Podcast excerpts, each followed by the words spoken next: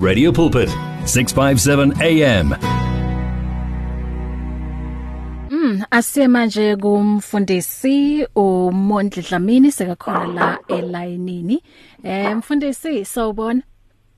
Ngiyabingelela kuwena isibahle and the whole Radio Pulpit family. Amen. Amen. Amen. Eh siyabonga ukuthi uphinde ube nathi kulolu suku. Siphathele namhlanje. Oh, yithi inkosi namhlanje sisi. Eh Kafushana, yeah, I think we're talking about in uh, a month of uh, relationships, a month of love, where we encourage love. We just want to say today, as we relate, let us be wise as a serpent, but pure in heart. I think that's Matthew chapter 10, verse 16. So, so asirelate uh, ngokuhlakanipha, eh uh, sirelate ngokuhlakanipha. Kuma relationships wonke esiwabuildayo, eh siwabuild ngokuhlakanipha, be intentional about that.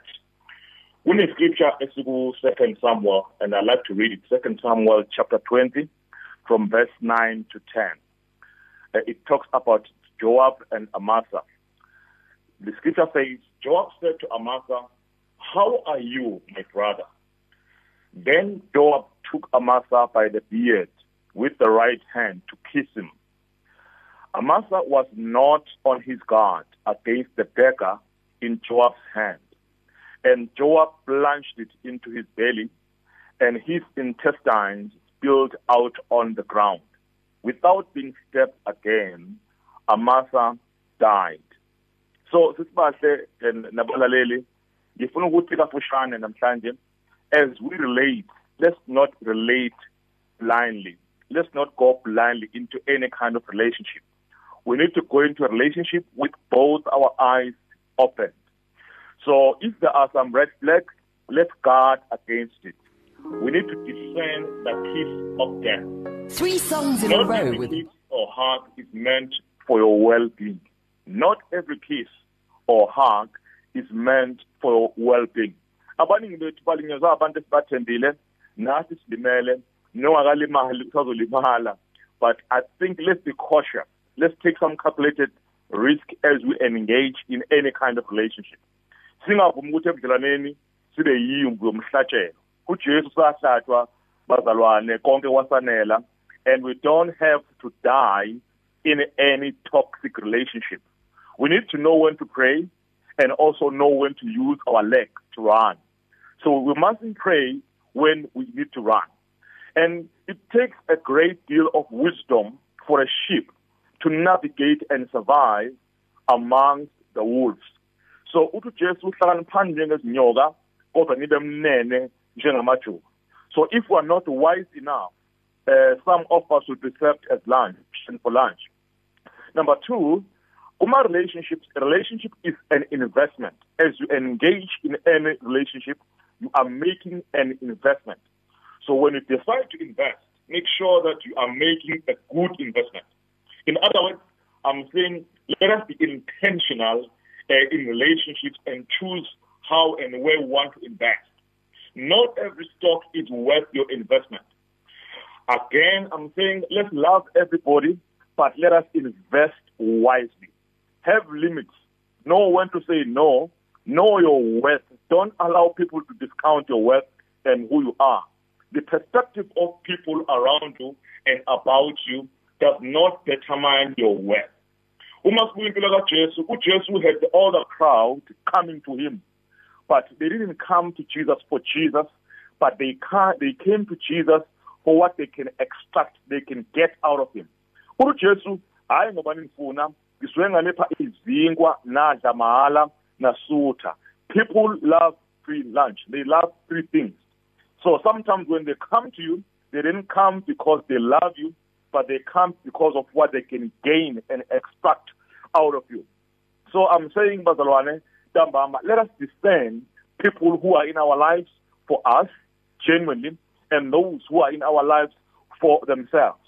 So when people celebrate you, just ask yourself the question as to what are they celebrating? Sometimes they can be celebrating the things that you have which will benefit them. They are in your life for themselves. So don't get caught up uh, in terms of the applause that people they are giving you. So, so relate wisely, relate meaningfully, and know that you are making an investment. Don't un- misunderstand the reason why people are celebrating you. If you look at the prodigal son, the Bible says he had many friends, ngesikhathi sanempahla eningi. But when days were dark, nobody was around him to support him. And let us avoid the high maintenance relationship where we earn lick return on our investment. And lastly, Sibashle, I like to say, let us allocate our resources wisely. If relationship is an investment, we need to invest wisely. We need to allocate our resources wisely, including our time.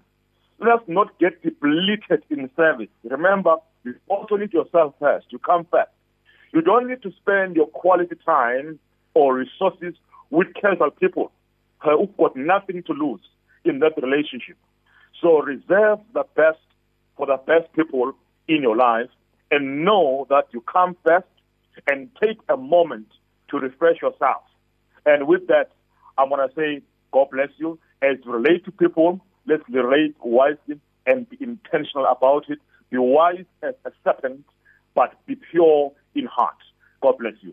Yo ngiyakuzwa mfundisi inamandla le eh. motivation asirelateeni ngokuhlakanipha sakhe nalama relationship ngokuhlakanipha let us be wise singangeni nje eh, sichaza ukuthi uyatshela ukuthi uyathandwa kodwa lingakaboniswa lelo thando yo exactly um that is powerful thank you so much mfundisi bless you eh bakuthola kuphi konje uma ungekho la emoyeni inamba yami sithi ithi 079 529 1792 079 529 1792 Mhm. And ku social yeah. media? Eh ku Facebook phela siswami mm-hmm. PS Mondi Dlamini PS Mondi Dlamini that's my page. Okay, thank you so much mfundisi sizohlangana futhi evikini elizayo. Amen. God bless you sisi nabalaleli. Amen.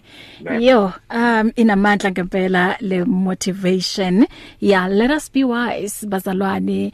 Eh ungangeni bese eh, ekugcineni uthi hey uyazi eh, bari bari lerato letsangane bari um love is blind yeah ungangeni eh ngaleyo ndlela uvalile amehlo njoba esho umfundisi ukuthi kunama red flags ozowabona so ungawadlulisi nje um athathe serious and then if mhlawumbe wena uthi uyangena wazi ukuthi ke ungena kuphi siyabonga kakhulu mfundisi ya njoba eshilo uyatholakala eh kule number 0795291792 uma kukhona othanda ukuxoxa naye engekho la emoyeni eh isikhathi sithi mizuzu emibili ngaphambi kokuthi siye lapha ku 3 o'clock sizongena ke ku second hour eh kule second hour singena ngeingoma ezintathu zilandelana so le ngoma ezintathu bazalwane engizoy esizoyidlala um kulentambama ngidedicatela